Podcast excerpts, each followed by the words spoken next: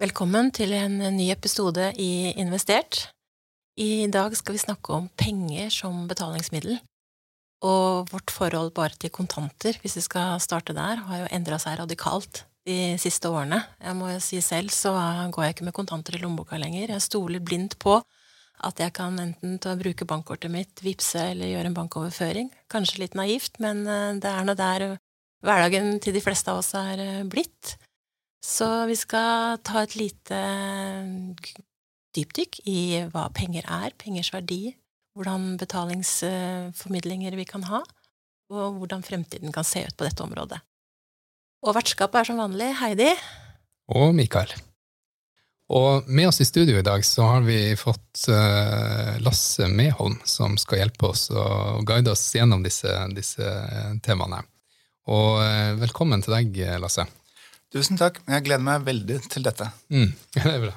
Og eh, Lasse, du, du, har jo også eh, ja, du har en erfaring både fra Nordea, DNB, Norges Bank. Du har skrevet en del bøker, så jeg er helt sikker på at du kan hjelpe oss eh, godt gjennom disse temaene. Det er et utrolig spennende tema dere tar opp nå, eh, og så er det veldig viktig. Eh, og så kan det være at det forandrer fremtiden for oss. Mm.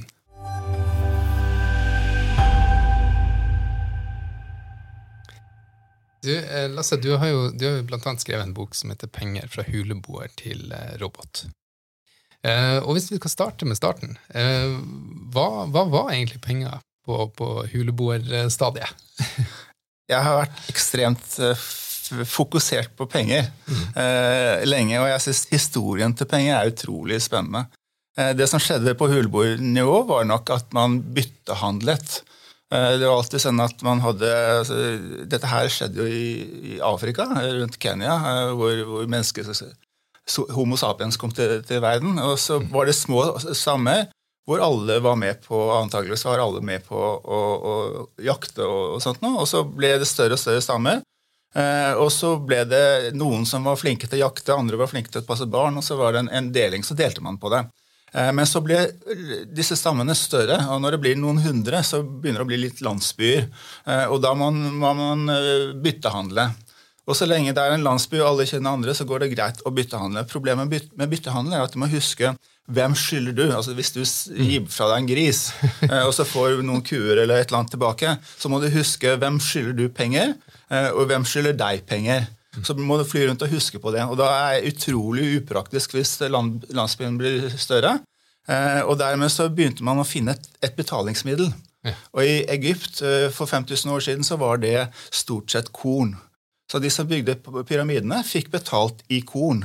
Ja. Og så kunne de ta med seg korn, la oss si en halvkilo korn på, ned på torget, og så kunne de kjøpe tomater og hva, man uh, gjorde.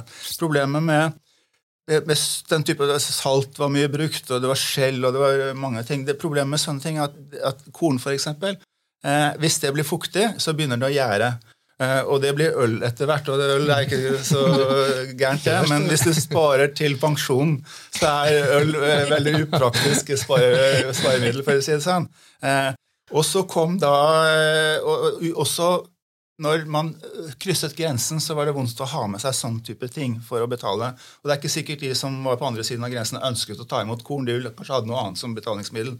Eh, så kom pengene til. Eh, ca. 600 år før Kristi fødsel eh, så kom pengene til. Og da var en mynt var da Verdien av det gullet mynten ble laget av, var verdien av den mynten. Og Da var det mye enklere å ta med seg det på kryss og tvers av landegrensene. Så kom myntene til. Så det var for å løse et problem at vi fikk de første kontantene, altså myntene. Ja. Eh, men så eh, fikk vi da papirpenger. Det vil si det var i Kina det skjedde. Eh, rundt 1000 år etter Kristi fødsel så hadde kineserne funnet opp papir, og de hadde funnet opp blekk. Og for å ta med seg en, et tonn med mynter fra Beijing, eller hvor hovedstaden var, til en eller annen garnison langt ute i periferien kunne ta flere uker. Og det tonnet med de myntene er veldig upraktisk å dra på. Så Da var det keiseren i Kina som fant ut at om jeg skriver en, en papirlapp, så sier jeg at denne papirlappen er verdt 1000 gullmynter der hvor den kommer fram. Eh, og dermed så var penger, altså papirpenger satt i produksjon. Mm.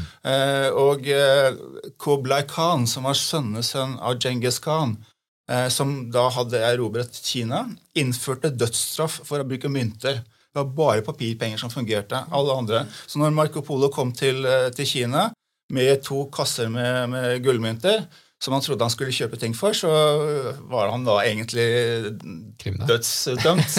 Eh, Nå gikk det ikke helt sånn, men eh, det- var en ganske dramatisk endring. Ja. Eh, I Europa så fikk vi papirpenger først på 1400-tallet, så de lå langt etter. Mm.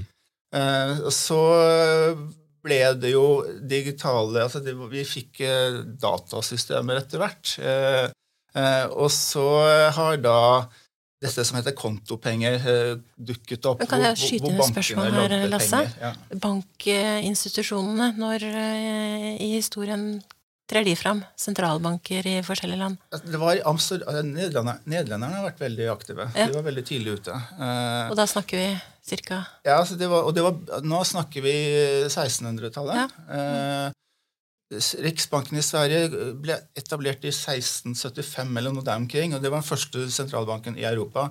Da hadde Frankrike forsøkt seg allerede med en sentralbank.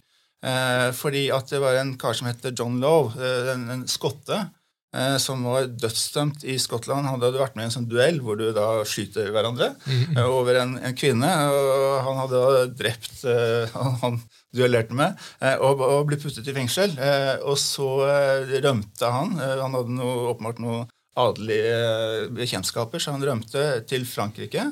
Eh, først og så til Nederland. eh, Og var med på børsen i Nederland, som var da den første i Europa. Så han skjønte mekanismen rundt eh, egentlig et moderne finanssystem. Eh, og eh, så hadde da eh, Frankrike Solkongen i Frankrike kjørte Frankrike helt på, i grøfta. Så når han døde i, i, i er 1715, er noe der omkring, eh, så var, var banker, Frankrike helt helt, helt, altså helt eh, Konkurs? Ja, eh, ja, De hadde ikke penger til å betale Slottet, og han hadde jo bygd Versailles, han hadde brukt masse penger.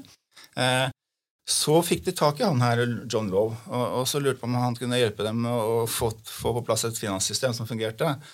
Så han oppretter et selskap i, i, i USA, for da hadde de allerede De første hadde vært i USA, rundt Mississippi. Altså, og, og så solgte han de aksjene i det selskapet eh, for å skaffe penger til, til myndighetene. Eh, og så eh, ble det etter hvert en sentralbank i Frankrike. Men det varte bare noen få år. for det som lå under verdien av de pengene, og det er litt med, med verdier av penger eh, Det som lå under verdien av de, de franske pengene, var da eiendomsverdiene i USA. Etter hvert så fant jo folk ut at det, det Mississippi-området det er bare sump. og altså, Det er helt ubrukelig. Folk trodde det var gull og grønne skoger der borte, men det, det viste seg etter hvert at det var det ikke. Og dermed så forsvant verdien av de franske pengesedlene eh, til bortimot null, som var litt av kimen til eh, revolusjonen i Frankrike i eh, Nå er jeg litt surrete med, med datoer, men 1785 eller noe der omkring. Eh, og da var det en 20-30-årsperiode i Frankrike hvor det ikke var et pengevesen. Eh, Da var vi nesten tilbake til byttehandel i, Frankrike. Og da var, eh, da var eh, eh, eller det, det man sa i Frankrike da, at du- skal ikke låne penger eller du skal ikke gjøre handle med andre enn at hvis du går opp på taket på ditt eget hus De, de pipene du kan se rundt deg, så langt skal du liksom, de kan du stole på. De bortenfor der bør du ikke stole på. Så det var, eh, så En del av kimen til revolusjonen i Frankrike var faktisk pengevesenet, som ikke fungerte. Og så kom da Sverige som først ute og etablerte en, en sentralbank. Eh, Og så bredde det seg. Jeg tror England var veldig sent ute. De var på 1800-tallet, 1812 eller et eller annet sånt. Og, og, og det viktige prinsippet ikke? Når, når Sverige da etablerte sentralbanken Det gikk åpenbart ikke eh, godt å ha motvekten mot eiendom i USA, sånn som Frankrike hadde. Og hva var det, hva var det da Sverige gjorde annerledes? Det- som skjer når en sentralbank utsteder penger, er, er at eh, altså, en sentralbank kan ikke gå konkurs. I hvert fall ikke et eh, demokratisk land sånn som Norge eller, eller de aller fleste land i Europa. Eh, El Salvador og liksom, de har jo et annet problem. Ja. Eh, Det er, noen har jo da sagt at de skal legge ned sentralbanken.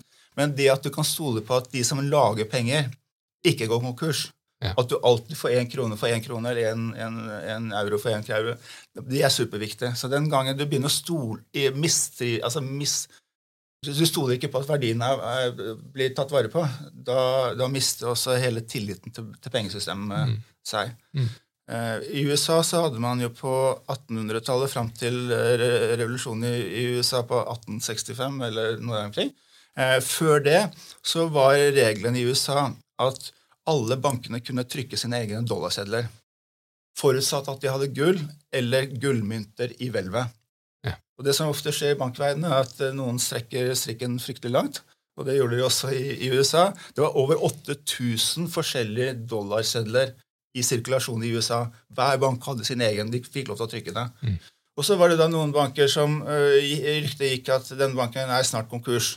Da var plutselig én eh, dollar verdt 0,9 eh, dollar. altså Da får du eh, det som sentralbankene kalles singles money.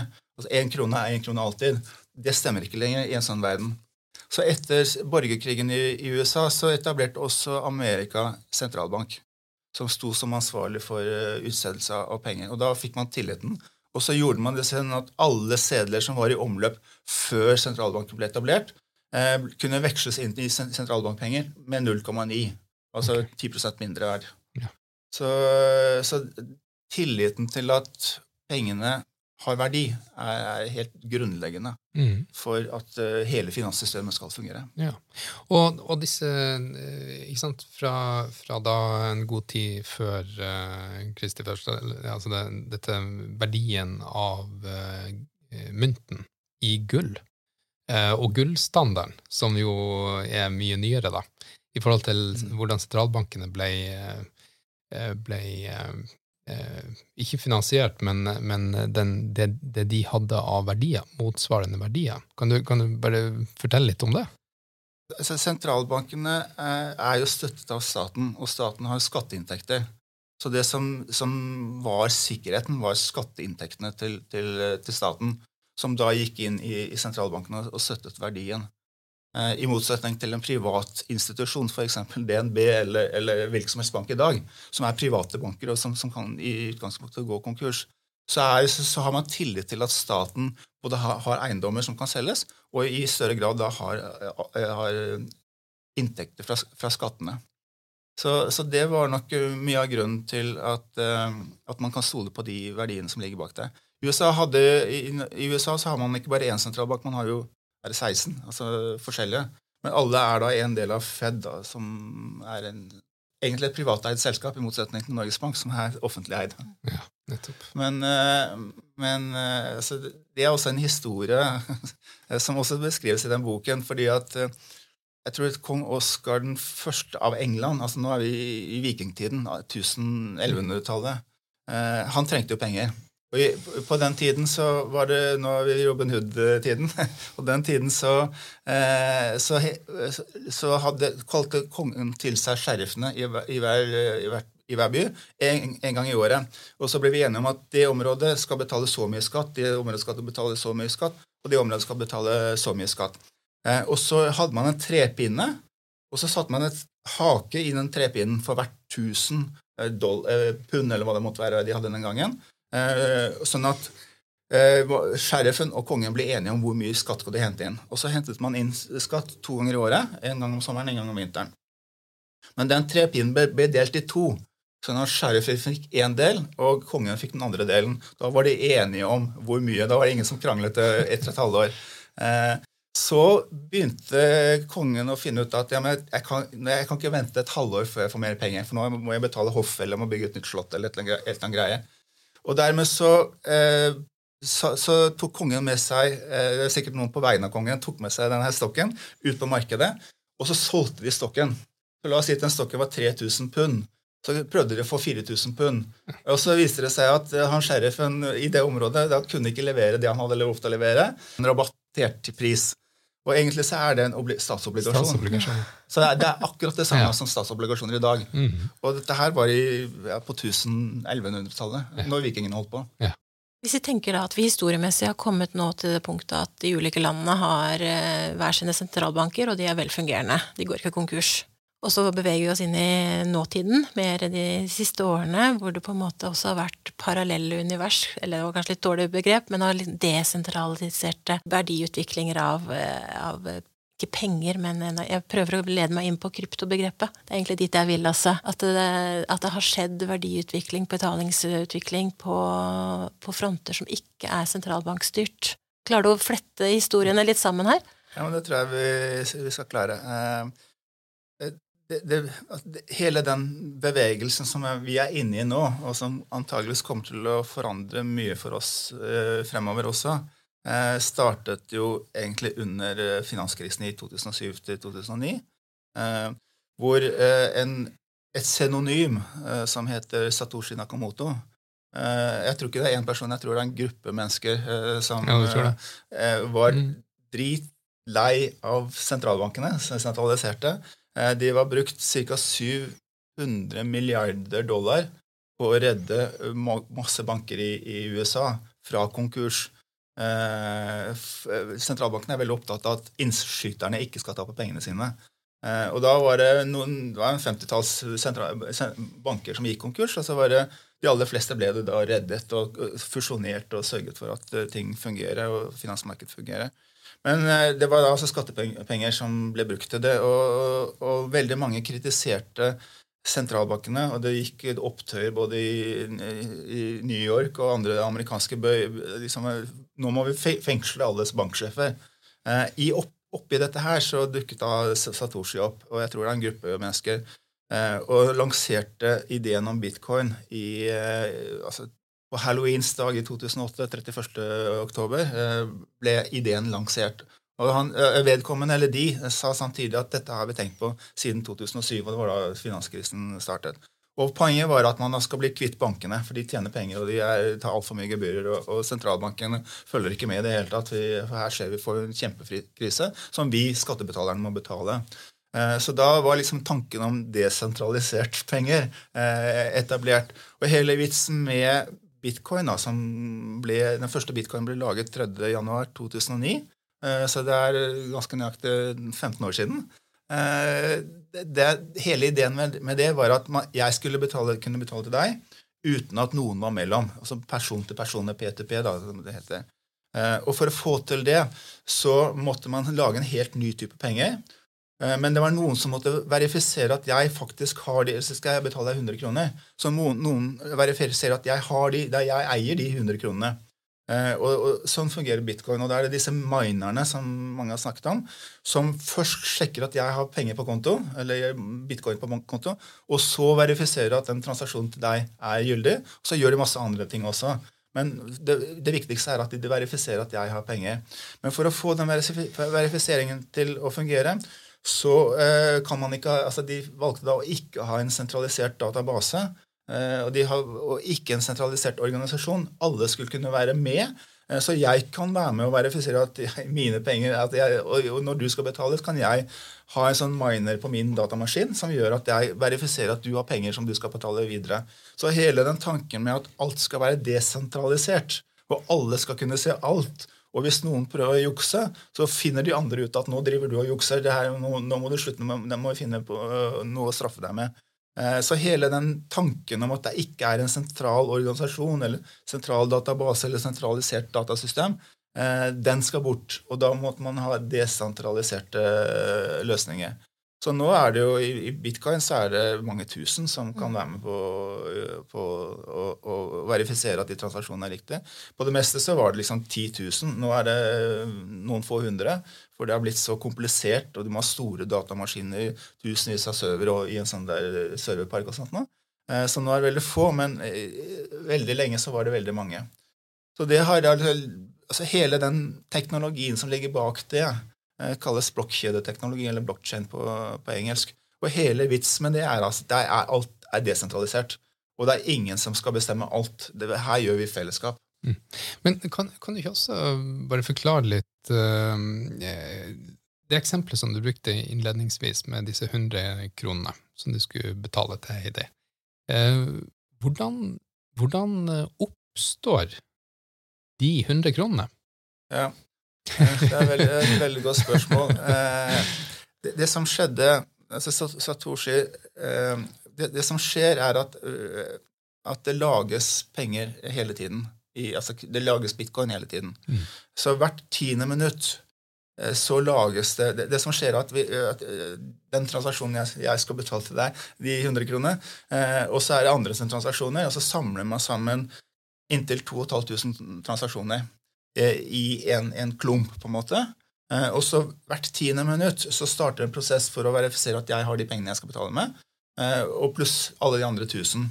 Eh, og så, eh, Hvis alt er i orden, så, eh, så settes alle de 2500 transaksjonene inn i en, en, en, en, blokk. Vi kaller det blokk. Og, derfor så, og, så er det én blokk hvert tiende minutt, så vi får en kjede av blokker. Det er derfor det heter blokkjede eller blokkjedeteknologi.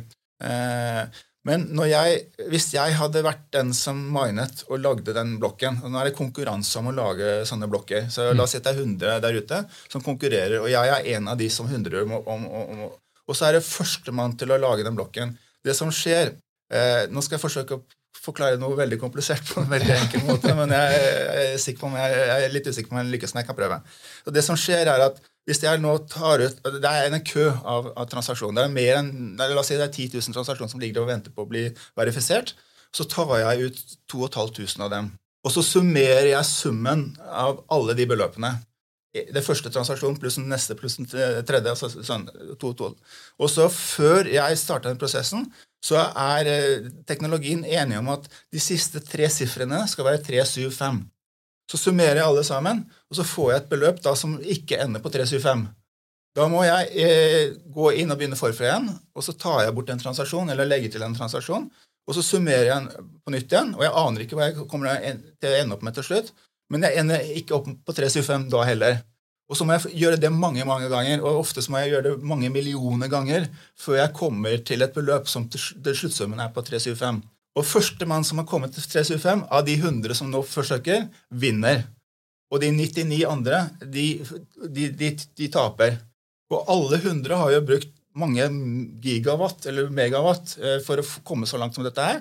Eh, så er det da én som vinner, og de andre som taper, og som har sløst de, eh, de wattene. Og egentlig store kostnader. Derfor så har bitcoin ekstremt kraftbehov og sløsing med, med, med, penger.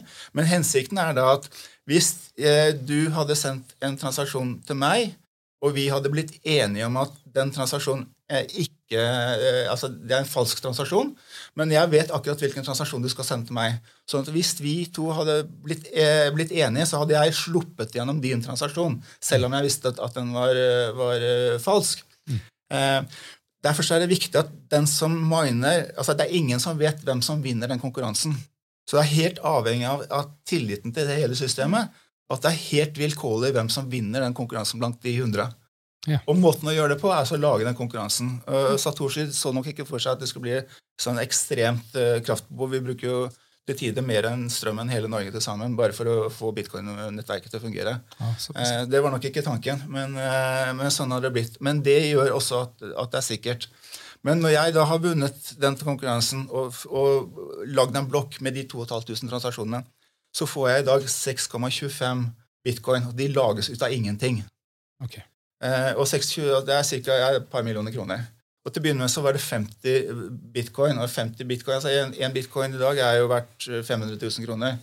Eh, hva blir det? 2,5 eh, ja, Noe som er bedre enn jeg regner med. Men eh, eh, altså det, er, det, er, fryktelig lønnsomt å være den som vinner. Og Hvis du vinner hvert tiende minutt hele døgnet, så blir det masse penger av det. Men selv om du vinner bare én gang i døgnet, så blir det allikevel mer enn nok til å betale den husleie eller strømleie. Det var noe helt grunnleggende. Hva kan du bruke dette på. Fordi du kunne sende den transaksjonen til meg, for jeg var interessert i å motta krypto. Mm. Det skjønner jeg. Men du kan jo vel ikke gå og kjøpe deg melk og brød eller et hus eller ikke sant det? Hvordan fungerer dette her? Tanken var jo at det skulle være betalingsinfrastruktur. Ja. Det det har blitt til, er at det er et eh, spekulasjonsobjekt. Ja. Det, det, brukes jo nesten ikke i det hele tatt til å betale noe for. Nei. Jeg har hørt eh, noen som har kjøpt en eiendom i, i Trøndelag for bitcoin. Mm. Eh, men det er jo da, var fordi de to kjente hverandre. Ja, for eh, så, Banken er jo restriktive ja. til å hvitvaske dette her, på en måte, for ja. det klarer du vel nesten ikke med Nei, den eh, blokkjedeteknologien. Ja. Men så lenge, så lenge norske kroner er pliktig betalingsmiddel i Norge Vi har Prislappen i butikkene er i norske kroner. Du får lønn i norske kroner. Pensjonen blir talt Skatten skal innbetales i norske kroner. Så lenge det er sånn, så kommer ikke kryptovaluta til å være en aktiv, aktiv betalingsmiddel i det hele tatt. Så, så det, nå er det blitt et spekulasjonsobjekt.